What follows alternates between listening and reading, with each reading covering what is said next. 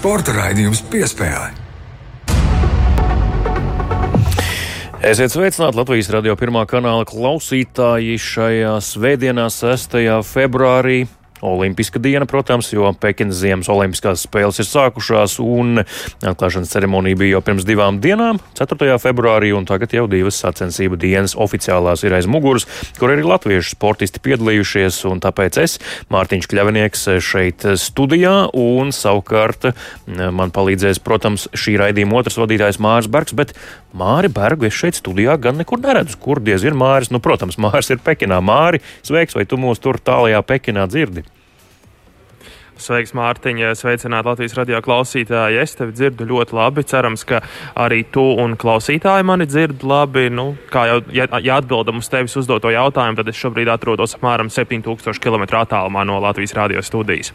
Ui, tālu ceļu tu esi mērojis, jā, bet atbildīgs uzdevums tev ir jāatspoguļo Pekinas Ziemas Olimpiskās spēles, un tu to arī pilnā parā dari, bet mēs tev nozaksim tomēr nākamās aptuveni 40 minūtes, lai tu būtu kopā ar mums. Nu, piespēles svēta lieta, to nedrīkst izlaist. Katrs svētdienu mums ir jābūt kopā ar klausītājiem. Tātad Māris pievienojas tiešraidē no Pekinas. Es šeit studijā Doma laukumā un, protams, ka sāksim kā jau katru nedēļu ar iknedēļas eh, mūsuprāt svarīgāko notikumu apskatu mazu attēlpu un turpinām.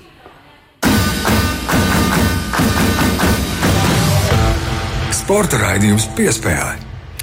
Un iknedēļas sporta apskats sāksim, nu ko gan eh, citu mēs eh, pirmajā ailītē varētu ierindot, kā ne to, ka atklāts Pekinas Ziemas Olimpiskās spēles. Atklāšanas ceremonija īsāk nekā citkārt. Organizatori plānoja, ka būs simt minūšu, eh, drusciņi garāk, tomēr tā ievilkās, bet Māri tev laikam tomēr nebija iespēja to vērot klātienē, tā kā tu apmēram tikpat daudz redzēji, cik mēs šeit visi Latvijā, vai ne? Jā, man, diemžēl, šādas iespējas sēdēt un skatīties klātienē atklāšanu nebija. Tas ir saistīts ar Covid ierobežojumiem šeit, Pekinā. Respektīvi, ir ierobežots žurnālistu skaits, kas tiek ielaisti šajās ceremonijās svinīgajās. Nu, godīgi sakot, paklausoties kolēģi stāstus, kuri tur tika, tomēr varbūt vien pat labi ir, ka netiku, jo tur kolēģi ir pamatīgi pārsaluši, kā saka, zili melni. Bija iespējas, esot centušies pakustēties un palā, palēkāt, lai kaut nedaudz sasildītos.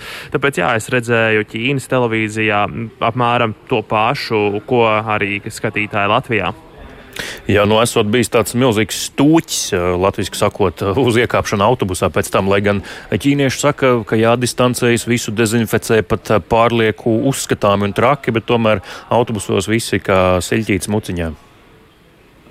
Jā, nu tas šeit ir eh, gan atklāšanas ceremonijā, tas tā ir bijis, acīm redzot, ja jau tu tā saki. Un, eh, tā tas ir, piemēram, braucot arī uz šortreka un daļsadošanas halli, kur eh, šeit notiek gan sacensības, gan treniņi. Tad tāds diezgan liels komplekss ir gan ar lielo halli, kur notiek sacensības, gan arī ar treniņu halli ar vairākiem laukumiem. Arī uz šejieni braucot, piemēram, uz šortreka sacensībām, nu, ir tiešām jāsaspiežas kā siļķēm mucā, atgādina Rīgas, Rīgas satiksmes autobusu būs sastrēgums stundas laikā.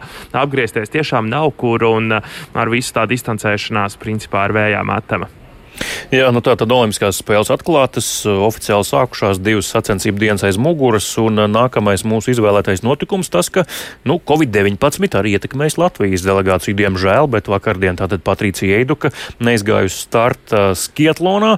Šodien to darīja Raimo Vīgans, viņam 52. vieta, beig beigās tika klasificēta, bet ne tas vien Patricija tātad gaida, kad varēs beidzot saņemt otro negatīvo testu un atgriezties um, pie treniņiem treniņiem un arī, protams, piedalīties sacensībās. Otradien viņai jau jāstartē, bet uh, hokeja izlasē joprojām nevar palīdzēt divi pamatsastāvu centra spēlētāji - Rodrigo Abols un Andris Džeriņš. Hokeja izlasē arī šodien treniņš vai ne Pekinā?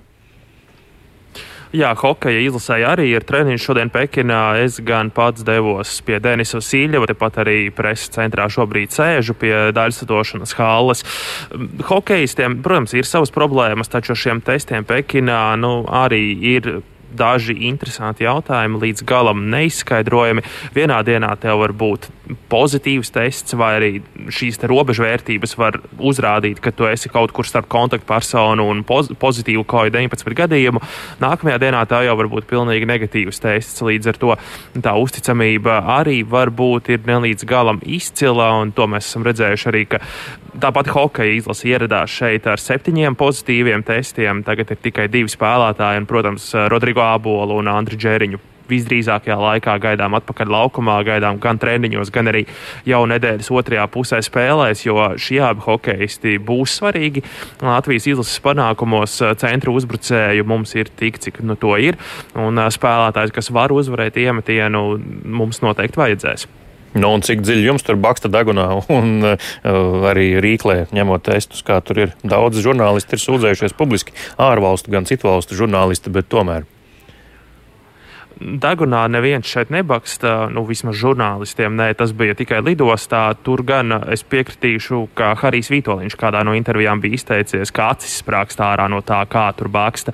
Bet, eh, bet visādi citādi ikdienas testos, eh, kas ir no Rīklas, nav ļoti patīkami. Teiksim tā, Latvijā, kad šie testi tiek veikti, tas ir nedaudz maigāk un eh, vieglāk paciešams, ja tā var teikt bet uh, nav arī tā, ka tas būtu kaut kas uh, super, super šausmīgs šeit. Uh, ir izturams, ir izturams, bet, nu, acīm redzot, tas ir atkarīgs arī, kurā vietā šie te testi tiek ņemti, kā, kā kurā vietā šie speciālisti to izdara.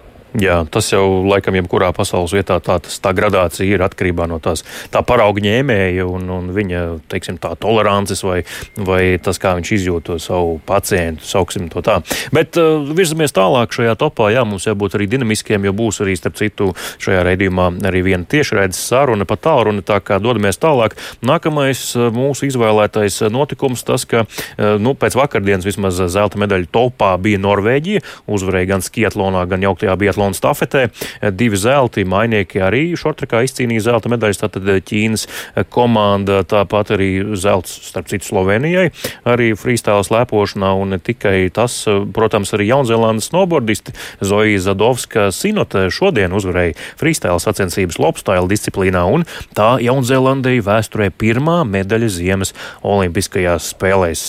Māri, jūs tur arī jūtat, ka varbūt, nezinu, lielvalstu žurnālistu starpā kādas sarunas, kuru, kurai valsts valstī vairāk medaļu, vai, vai to skaitīšanu tur nevar uz vietas tā just.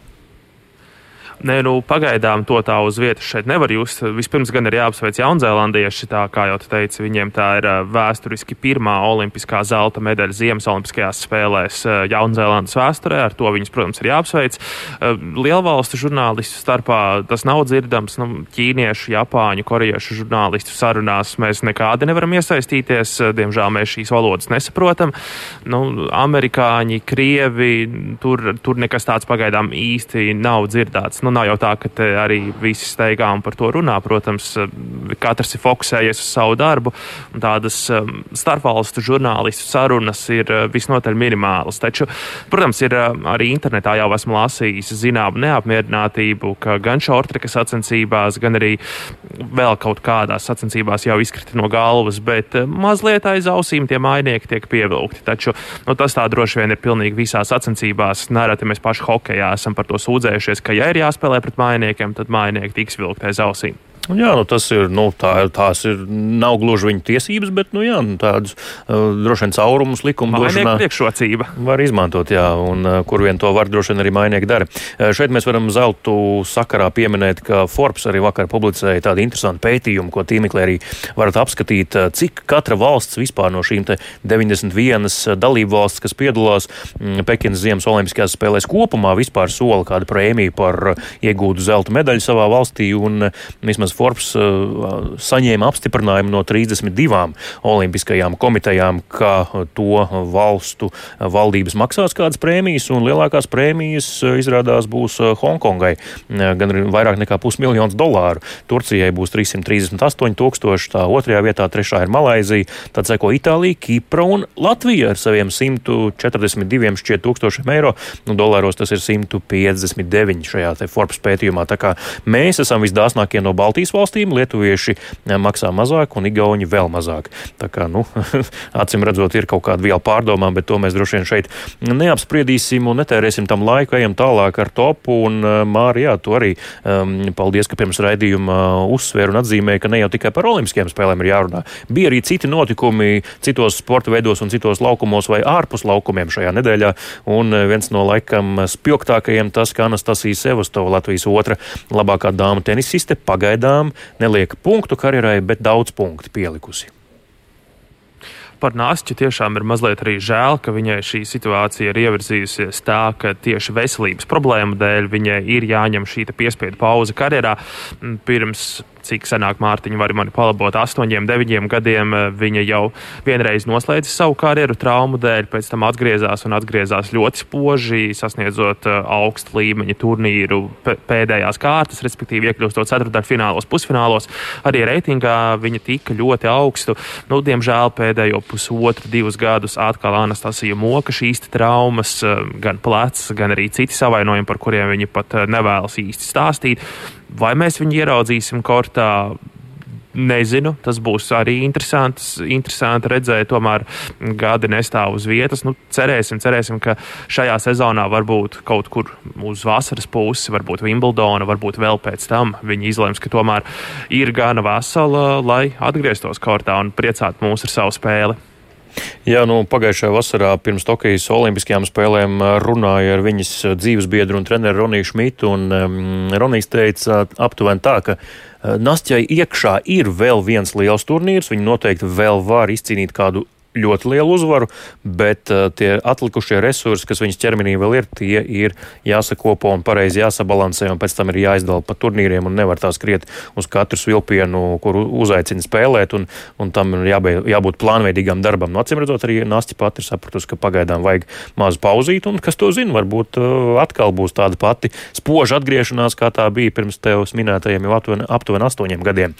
Tā kā cerēsim uz to, un pēdējais mūsu izvēlētais notikums šajā šajā nedēļā Rīgas Dienāmo dodas brīvdienās. KHL paziņo par to, ka regulārā sezona netiks izspēlēta līdz galam, un uh, nu, Gagārina kausa pretendenti un, uh, un tie, kuri piedalīsies izslēgšanas spēlēs, noteikti tiks pēc šīm te jau aizvadītajām spēlēm. Un Rīgas Dienāmo tā tad aizvadījuši 45 mačus pēdējā vietā rietumu konferencē. Nekas nemainās gadu no gada, atkal tas pats vecais stāsts. Un, Varbūt labi, ka tā. Un spēlētāji paši ir izteikušies, ka ļoti, ļoti garas brīvdienas, un nezinu, kā tie ķermeņi jutīsies pēc tam, kad kaut kur būs jāatgriežas kaut vai nometnē uz pasaules čempionātu. Jo nu, pēdējā spēle viņiem nospēlēta 5. janvārī. Iedomājieties tikai klausītāji. Jā, par šo es arī aizdomājos tieši lasot šo ziņu par uh, Dienāmo sezonas pāragrējām beigām. Tīri no sportiskā viedokļa Dienāmo, protams, vairs nav par ko cīnīties. Varbūt pat labi, ka viņu sezona ir beigusies, bet uh, jāskatās, kā ar, ar izlases kandidātiem. Daļa izlases spēlētāji no Dienāmo tagad ir izlasē, Pekinā gatavojas. Bet ko viņi darīs martā un aprīlī, tas, tas ir jautājums tieši tā kā tu teici, pasaules čempionāta nometne, ļoti ilga pauze. Redzēsim, varbūt Hokeja federācija veiks kādus izņēmumus uh, Latvijas hokeja čempionāta nolikumā. Un šiem Latvijas izlases kandidātiem no Dienāmo ļaus pievienoties, piemēram, Latvijas čempionāta klubiem. To vispār varbūt vajadzētu pajautāt arī Latvijas Hokeja federācijas ģenerālsekretāram Robertam Pļāvējam, kurš šeit Pekinā atrodas. Labi ideja man radās. Nu, re, arī tiešādē varam mazu darba plānu uh, izveidot, bet uh, es esmu dzirdējis vismaz neoficiāli oficiāls runas, ka dažs labs no hokeistiem, kuriem eh, jau rīt pēdējie gadi hokeja karjerās, eh, jā, tieši šīs lielās pauzes dēļ varētu būt, ka to, to nevis plinti, bet nu, arī met krūmos tēlēni izsakoties, jo nu, pēc tādas pauzes atgriezties tādiem rūtītiem veterāniem ir ļoti grūti. Līdz ar to iespējams, ka Lauris Dārziņš nospēlēs Olimpiskās spēles, un tā arī būs viņa pēdējā profesionālā hokeja spēle, kas būs pēdējā spēle arī um, Pekinas Olimpiskajās spēlēs. Tā kā sekosim līdzi un um, skatīsimies, kā tur būs tāds nedēļas notikumu kokteilis, apskats un karuselis mūsu izpildījumā, bet tagad vēl viena mazā tēla un turpinām raidījumu piespēli. Piespēle. Un piespēli turpināsim ar iknedēļas rubriku, lai gan parasti šo rubriku veido mūsu kolēģis Reins Grunsteņķis. Šodien gan mums tālāk nācis Mārtaus kolēģis Pekinas Ziemas Olimpiskajās spēlēs tāls Eipurs, un viņš ir ļoti interesantu materiālu sagatavojis. Viņš um, Pekinā atrada kādu latvieti, kurš strādā ar um, Kanādas Olimpisko bobsleju komandu, ir šīs komandas galvenais un vienīgais mehāniķis, talsinieks un kāda vasaras olimpieša tēvs. Olimpieša, kas izcīnīja 8. vietu Tokijas Olimpiskajās spēlēs. Rubrika, kas lācītiem vēdrā, pagaidām atstāsim dažus jautājumus neatbildētus, kas tātad abi šie ir uh, par uh, kungiem, bet tālis tuliņ pat jums to visu atklās. Kas lācītim vēderā? Nu, ko mēs esam uh, vietā, kuru vizuāli neviens nedrīkst redzēt, droši vien. Uh, radio mēs drīkstam droši runāt, jo te neko nevar redzēt. Un uh, mēs esam satikuši cilvēku, kurš ir negaidīti pārsteidzošs. Man tas stāsts pašam liekas arī pietiekami emocionāls.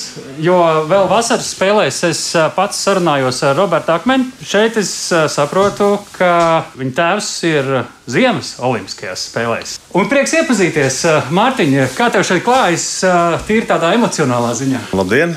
Pirmo reizi lielajās Olimpiskajās spēlēs. Man bija vēlme nokļūt vasaras Olimpiskajās spēlēs, jo kā nekā Roberts izcīnīja tiesības pārstāvēt Latviju.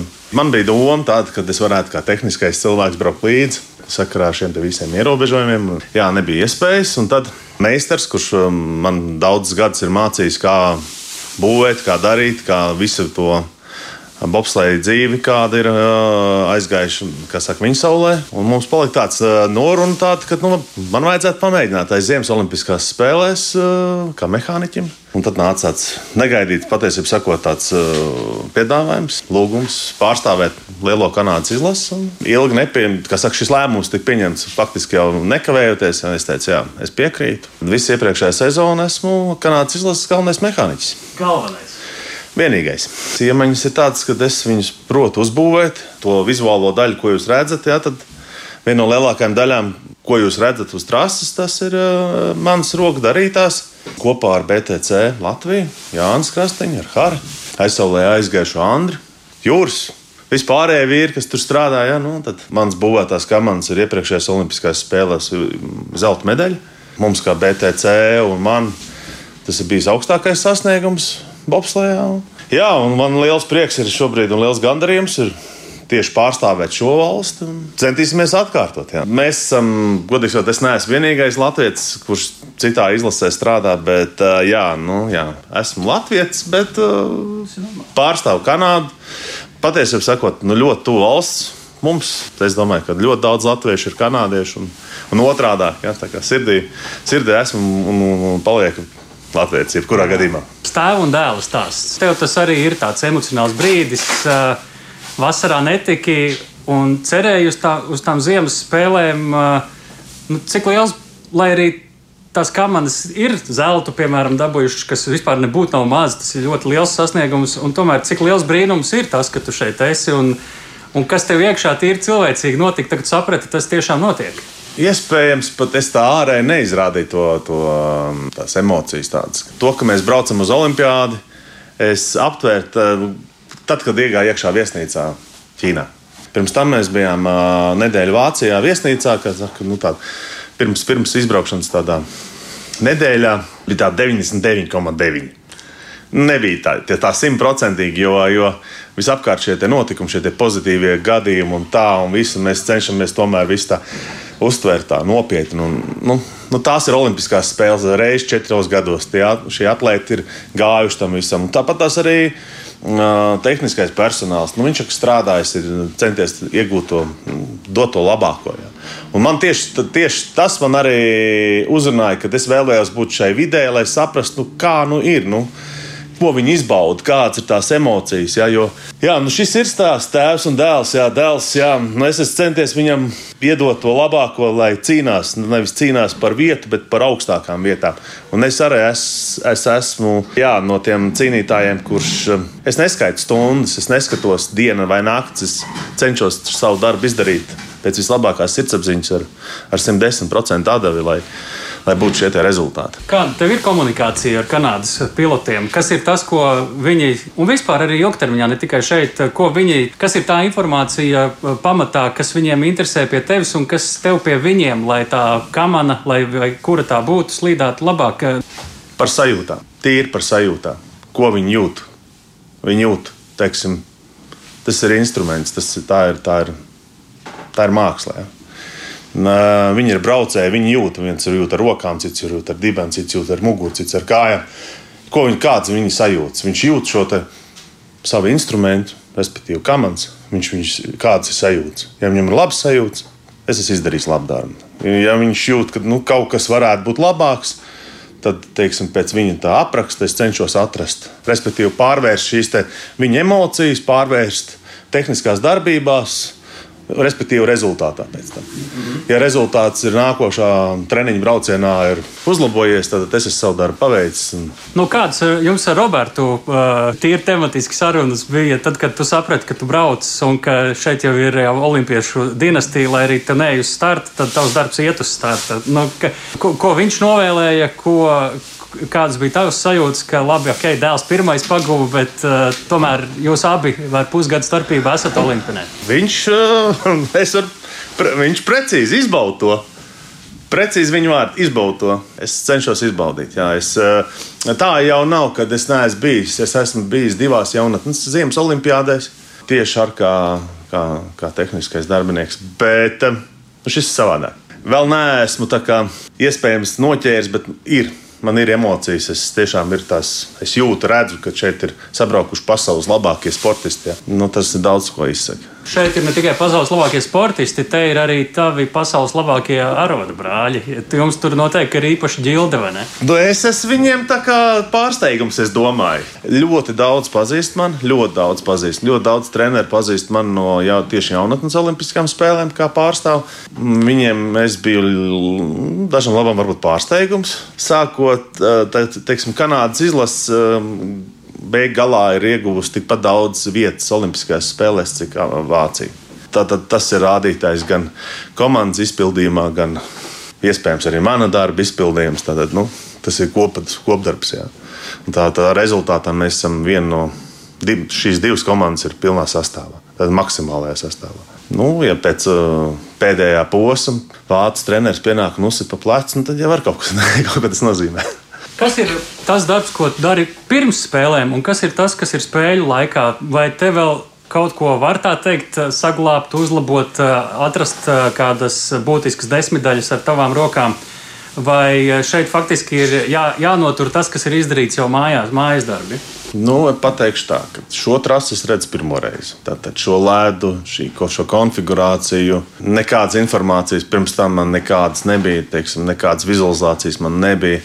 Es varu tikai iepriekšējo trašu pieredzi mēģināt kaut ko šeit, kaut kas izdodas atrast. Jā, tā nav. Pa desmitdaļām mēs šeit, nu jā, šur tur desmitdaļas atrodam, jā. Bet, nu jā, mēs runājam par simtdaļām. Tas ir mans darbs, mēģināt te kaut ko vēl nedaudz, nedaudz pielikt tos pāris procentus, lai tās simtdaļas arī būtu. Jā, tās pāris procentiņas vēl bišķiņa rezervētas ir visur un kaut kur mēģina tā kā atrast vistas. Ko un kam tu šeit novēli? Ņemot vērā, ka tu esi Kanādas izlasē, ka tu esi Latvijas un arī pats sev mierīgi novēlēt par kaut ko. Es vēlētos redzēt medaļas, jā. Es vēlos redzēt medaļas. Jā, es vēlos redzēt medaļas. Mēs esam šeit, lai mēs cīnītos par medaļām. Es neesmu ieradies, lai, lai, lai tā aizpildītu vietu, bet lai mēs cīnītos par medaļām. Un es domāju, ka mēs cīnīsimies par medaļām un pārējiem, lai izdodas, lai izdodas parādīt pašu to labāko. Un šī ir četru gadu labākās un augstākās spēles. Ja. Dzirdējām tātad um, Mārtiņu Mihņēviču. Viņš ir Kanādas bobsleja izlases galvenais un vienīgais mehāniķis, kā viņš arī šajā intervijā uzsvēra. Tāls Eipurs ar viņu sarunājās Pekinā, bet šobrīd mēs šeit tiešraidē esam sazvanījuši Mārtiņa dēlu Robertu Akmeni, kurš savukārt Tokijas Olimpiskajās spēlēs vasarā izcīnīja augsto astoto vietu 200 metru smaļošanas distancē sprintā konkrēti. Sveiks, Robert! Sveiks! Sveiks, čau! Nu, es pieļauju, ka dzirdēt radio tiešraidē tēvu runājam, nu, lepnums šobrīd neizmērojams, vai ne? Jā, da, patīkam prieks. prieks, ka uh, var dzirdēt, to, ka viņš ir tur. Un, jā. Mm, tā mērķtiecība, kas izskanēja no viņa šajā mm, intervijas uh, sadaļā, tā, tā tu no viņa to esi iemācījies, jo tevis, uh, tava retorika vismaz tajās intervijās, cik mēs esam runājuši, ir diezgan līdzīga. Nu, no abos no abos tālu nekrīt. Mēs tādā ziņā nedaudz esam diezgan līdzīgi, bet uh, jā, tur mēs tā kā pats ap divu pašu savu laimi skalēju un, un, un, un viņš to, ko viņš dara, viņam ļoti labi sanāk, un to, ko es daru, man arī ļoti labi sanāk. Tā kā, tā kā, jā. Mm -hmm. Katrs savā lauciņā, jā. Nu, tagad mums arī iesaistās sarunā kolēģis no Pekinas, Māris, arī tev šo to grib pajautāt. Jā, sveiks, Roberta. Jau sarunas laikā pirmīt dzirdējām, ka tu tēvam novēlēji izbaudīt šīs olimpiskās spēles, bet ko tu vēl tēvam varbūt pateici pirms viņš devās uz Pekinu? Uh, Es viņam teicu, lai atved kādu kanādu formu, kādu sportāru man. Bet, tā, protams, es viņam novēlēju to, lai, lai viss sanāk, lai, lai uzmanās, lai no, nu, ar veselību, jo tomēr tur, tur Covid plosās. Bet tā, palēnām, jā, tas galvenais novēlējums bija, lai, lai izbauda, un tas tomēr ir, nu, kaut kas tāds, ko ļoti, ļoti patīkam, ne tikai kā, kā sportistam, bet arī to, ka tu esi kā delegācijas dalībnieks vai, meha, vai arī uh, tehniskais darbinieks, tas ir kaut kas tāds, ko, kaut kas tāds, ko ir jāizbauda. Es atceros, par kuru komandu tu varbūt pats vairāk īkšķi tur par kanādiešiem vai tomēr par Latvijas izlasi? es tur par mūsējiem, par mūsējiem, protams. Kanādieši arī, protams, var labi nostartēt, bet es, es dodu priekšroku, ja mūsēji būs uh, priekšā un kanādieši aiz mūsējiem. Tu jau šodien arī jā, savā sociālās saziņas Instagram kontā arī ievietoji to mazo stāstīnu, vēlot veiksim kamaniņu braucējiem, kur tieši šobrīd, kad mēs runājam, arī uzsāka savu trešo braucienu Pekinā. Jā, Tā kā, jā, veiksms arī no, no Roberta Akmens. Bet, uh, Roberta, Klau, kā tēva zināšanas un varbūt tās tehniskās prasmes tev līdz šim ir palīdzējušas tavā karjerā? Jo es atceros pirms dažiem gadiem, kad tu kļuvi par mm, pasaules čempionu U23 vecuma grupā, tad tu rādīji savu sarkano raķeti, savu laivu. Tur jau arī tēva roka taču bija pielikta.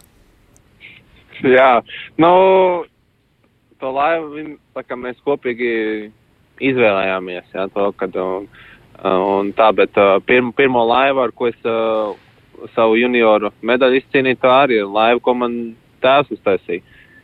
Un, uh, un, un, un, un, jā.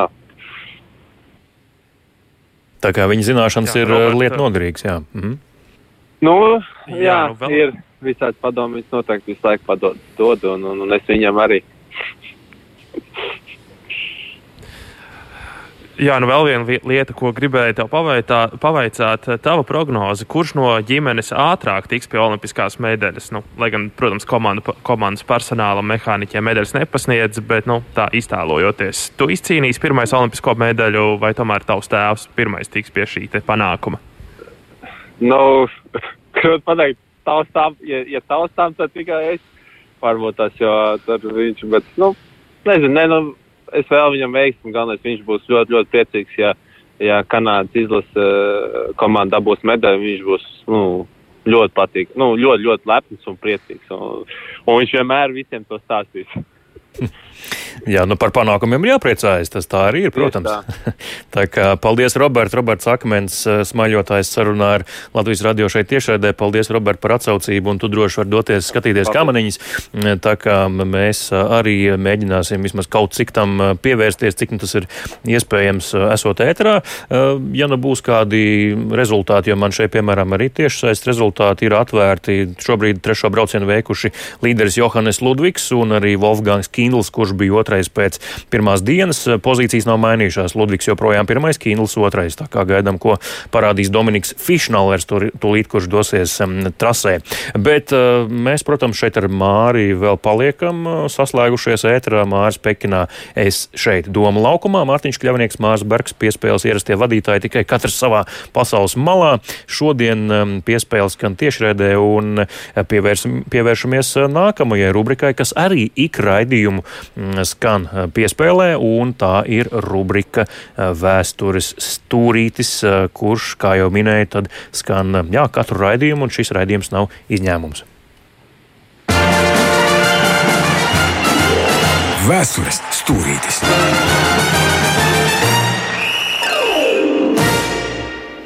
Un vēstures stūrītī šonadēļ parunāsim drusku par uh, sporta veidu ar nosaukumu Ziemeļu divcīņa. Uh, Ziemeļu divcīņa starp, starp citu ir sporta veids, kurā sportisti sacenšas tramplīnu lēkšanā un distanču slēpošanā. Pirmās lielās sacensības Ziemeļu divcīņā notika jau tālajā 1892. gadā Oslo, Holmenkolens slēpošanas festivālā. Kopš tā laika šīs sacensības kļuvušas par ikgadēju pasākumu Norvēģijā, bet Ziemeļu divcīņas sacensības ir iekļautas Ziemas Olimpisko spēļu programmā un individuālais starts ir noticis visās Olimpiskajās spēlēs kopš pirmajām 1924. gadā Šamonī un pirmo reizi kopš 1936. gada arī Latvijai ir savs pārstāvs Ziemeļa divcīņā Māri, un tu jau arī gan jau tur viņu kaut kur garām ejot, es redzēju, iespējams, Pekinā. Nē, neesmu gan. Tur arī ar Markusu Vinogrādovu ir ticies mūsu kolēģis Tālis, kurš vairāk dzīvo pa kalniem. Es tā kā esmu šeit lejā Pekinā, tad es vairāk esmu pa apjumtajām arēnām un vairāk satieku sportistus, kuri startēs lidošanas veidos. Tālis ir tas, kurš ir ticies ar Markusu Vinogrādovu, ir arī ar viņu kārtīgi aprunājies. Jā, un to mēs tūlīt arī klausīsimies. Tātad rubrikā Vēstures stūrītis um, arī um, Markus Vinogradovs, kurš ir aktuālais zīmēļu divcīnieks Latvijā, piedalīsies arī Pekinas Ziemas Olimpiskajās spēlēs, bet viņa vectēvs Agris Kumeliņš ir arī viņa treneris, arī ar viņu kopā ir Pekinā, un Agris ir viens no Ziemeļu divcīņas atsācējiem. Tā laikam mēs varētu teikt, Latvijā pēc neatkarības atjaunošanas, kad nebija ne tramplīnu, nu joprojām īsti arī nav, bet uh, ša, šis un tas ir savām rokām uzbūvēts. Kaut kā tā ziemeļa divciņa tomēr Latvijā vēl dzīvo un paskat, nu, arī pašiem savus olimpietis ir Pekinā. Klausāmies uh, tāļa sarunu ar Markusu Vinogradovu un viņa vectēvu un treneri Agri Kumeliņu. Kurš ir visi sācējs? Vecais tēvs, ne? Kā tas tā ir gadījies, ka esat šeit, Pekinā? Sākam darboties ar zemes divcīņu. Hobija līmenī darbojamies visu laiku, nu, kamēr nonācām uz šejienes. Kāds tas ceļš ir bijis? Kā jūs rezumējat dažās rindkopās? Nu, ceļš ir bijis diezgan dažāds. Ir bijuši arī traumas, un Markus ir eh, arī vairāk kā gadu nenāca uz tramplīnu lēkšanu vairs. Nu, pēc tam pārdomājām, un sākām turpināt atkal. Kaut kur braucām uz sacensībām, cik bija iespējams. Aizbraucām uz Ameriku, uz kontinentālo kaustu, tur dabūjām punktus. Tie bija pirmie kvalifikācijas punkti, kuri vēl patiesībā negarantēja, bet nu, iznāca, ka noturējās. Jūsu vēsture. Kādas ir jūsu attiecības bijušas jūsu karjeras laikā ar tieši šo sportu? Nu, es pats jaunībā nodarbojos ar tramplīnēšanu uz zemes divciņu.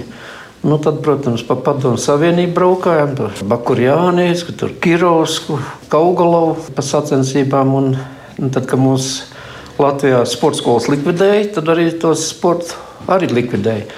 Slaloms un, un distanču slēpošana tas jau bija tāds vairāk kā mazs sporta veids. Tas varēja izdzīvot.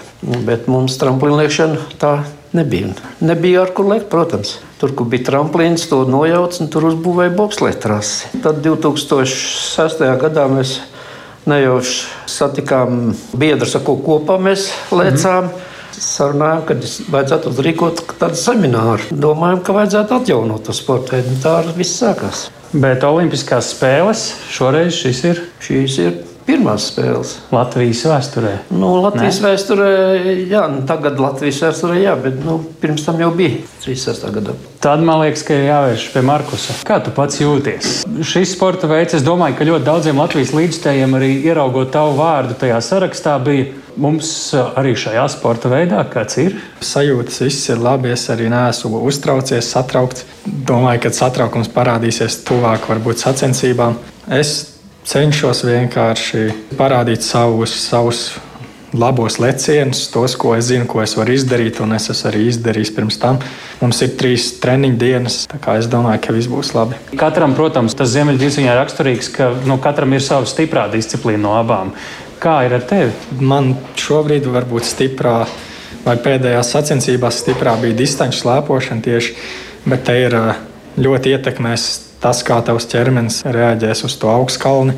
Es domāju, ka tieši uz šī tramplīna šajā sacensībās labāk ir būt labākam slēpotājam, Dēļ tā, ka ir augstkalna un smagā trase, es domāju, ka priekš labajiem distančniekiem tas eh, būs par labu. Tas tev iedod zinām cerību, ka var kādu vietu tikt augstāk nekā varbūt, ja būtu citādāk. Ja? Nu, es jau mēģināšu, jā. Bet, ja es uzlecu savus labos lecienus, tad es arī varu sākt augstāk, augstākā mm -hmm. pozīcijā. Ko jūs redzat, kā speciālists, skatoties šajiem tramplīniem? Kāda ir speciālista acis, ar ko mums būtu jārēķinās attiecībā uz Markus? Ko jūs viņam pirms pirmajiem lecieniem teiksiet? Nu, tramplīni ir, cik bijām mēs pirmajā dienā aizbraukuši, ļoti labi sagatavot visi ir. Ja? Nu, vienīgi tas, ka šīs dienas ir diezgan vējainas, ja, un Markusam nekad nav paticis, ja ir vējš no muguras. Tas ir šodien tā, arī tā ir tā, tā vēja jau mainās. mainās šeit, Viņi mainās burtiski sacensības laikā. Jau, te ir mugurvējš, te ir sānvējš, te ir priekš, prie, no priekšvējš. Nu, Pastāstiet par tramplīnu liekšanu. Tas Latvijā, diemžēl, jāsaka, tā ir eksotisks sporta veids pagaidām, jo nav faktiski kur trenēties. Tuvākais sanāk Polijā, tūkstoši kilometru attālumā vēl ir Igaunija, protams, Somija. Ko tas nozīmē tev trenēties šajā sporta veidā ar tik nepieejamām bāzēm mūsu pašu valstī? Nu, protams, ja mums būtu pieejams tramplīns tepat Siguldā, tad tās izmaksas būtu daudz lētākas, jo aizbraukt uz Poliju izmaksā diezgan daudz naudas. Tāpat uz to Somiju nav nekāds lēts prieks. Nu, Igaunija ir vistuvākā, kur ir diezgan labs komplekss, ir distanču trases, tramplīns, bet nu, nav pieejams eh, lielais tramplīns, kas ir eh, diezgan paslikti, jo man nav ļoti daudz lecienu bijuši uz tieši lieliem tramplīniem. Nu, varbūt no malas liekas, ka tas ir kaut kas traks, jo tu lec ar slēpēm tur tuvu pie 100 km/h, bet to jau dara tie, kuri to ir spējīgi darīt, nevis iesācēji. Tur eh, nav nekas bīstams. Skatoties jums uz Markus, nu, kā jūs redzat perspektīvu, nu, kādus gēnus jūs šobrīd turat savās rokās? Tramplīna liekšanā jau patiesībā.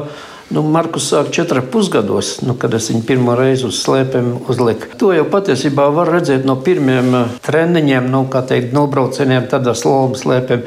Viņam patika visādi pampaki, pa mežu brauc, ne pa trasēm, bet pa mežu pa pampakiem. Viņš tur nu, jūt, kad ir tāda pedarīta iekšā, drošības sajūta ir tāds.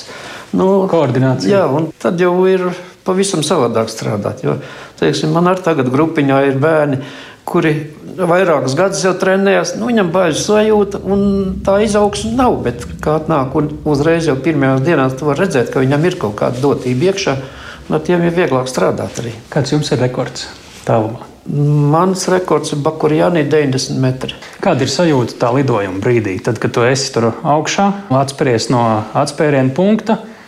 Un es tajā lidojumā. Nu, tu īsti tajā brīdī, kad ir tas adrenalīns, ir savādāk. Tev vienīgā skaņa, ko tu dzirdi, ir tas vējš. Tev ir viens punkts, kur tu redzi, un tas ir, kur tu piezemēsies, un tu uz viņu skaties. Un, un, lido un strādā lidojumā, eh, lai, lai aizvilktu to lidojumu pēc iespējas tālāk. Kādas ir jūsu kā vecāku sajūtas? Esot šeit, tagad ar mazdēlu. Un jūsu sirdslietas sporta veidā? Nu, šis sporta veids man bija hobijs, un vēl joprojām ir hobijs. Un, uh, trīs gadu atpakaļ, kad bija intervija, tad es teicu, ka Markus uz Olimpiskām spēlēm aizbrauks. Tad gan mēs vēl nezinājām. Uh, Bet es jau tad teicu, ka viņš aizbrauks. Jo? Nu, panācām to. Kāpēc jūs tā teicāt? Nu, es jūtu. Jo es zinu, uz ko viņš ir spējīgs. Un, uh, tad, kad viņam ir labi lecieni izdodas, tad ir prieks skatīties. Sporta raidījums piespēlē. Sporta raidījuma piespēles studijā Doma laukumā Mārtiņš Kļavinieks, Pekinas piespēles studijā Mārs Bergs, tikko dzirdējām sārunu ar um, ziemeļu divcīnieku Markusu Vinogradovu un viņa vectēvu un treneri Agri Kūmeliņu. To izveidoja tāls Eipurs un Markusam olimpiskā debija paredzēta 9. februārī, tā kā gaidām arī to, bet šobrīd uh, notiek kamniņu sporta sacensības trešais brauciens vīriem Pekinā. Uh, tā tiešraidi varat vērot Latvijas televīzijas 7. kanālā un ir laba labas ziņas.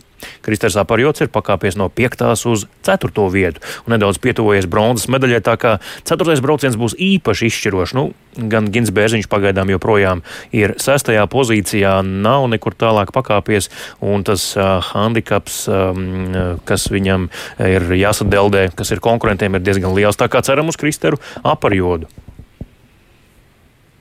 Jā, nu cerēsim, ka Kristram izdosies pēdējā braucienā vēl parādīt savu pašu, pašu labāko braucienu, arī uzraut startu labākā pirmajos trīs braucienos, un ka izdosies to vienu vietiņu atspēlēt vismaz, lai izcīnītu bronzu.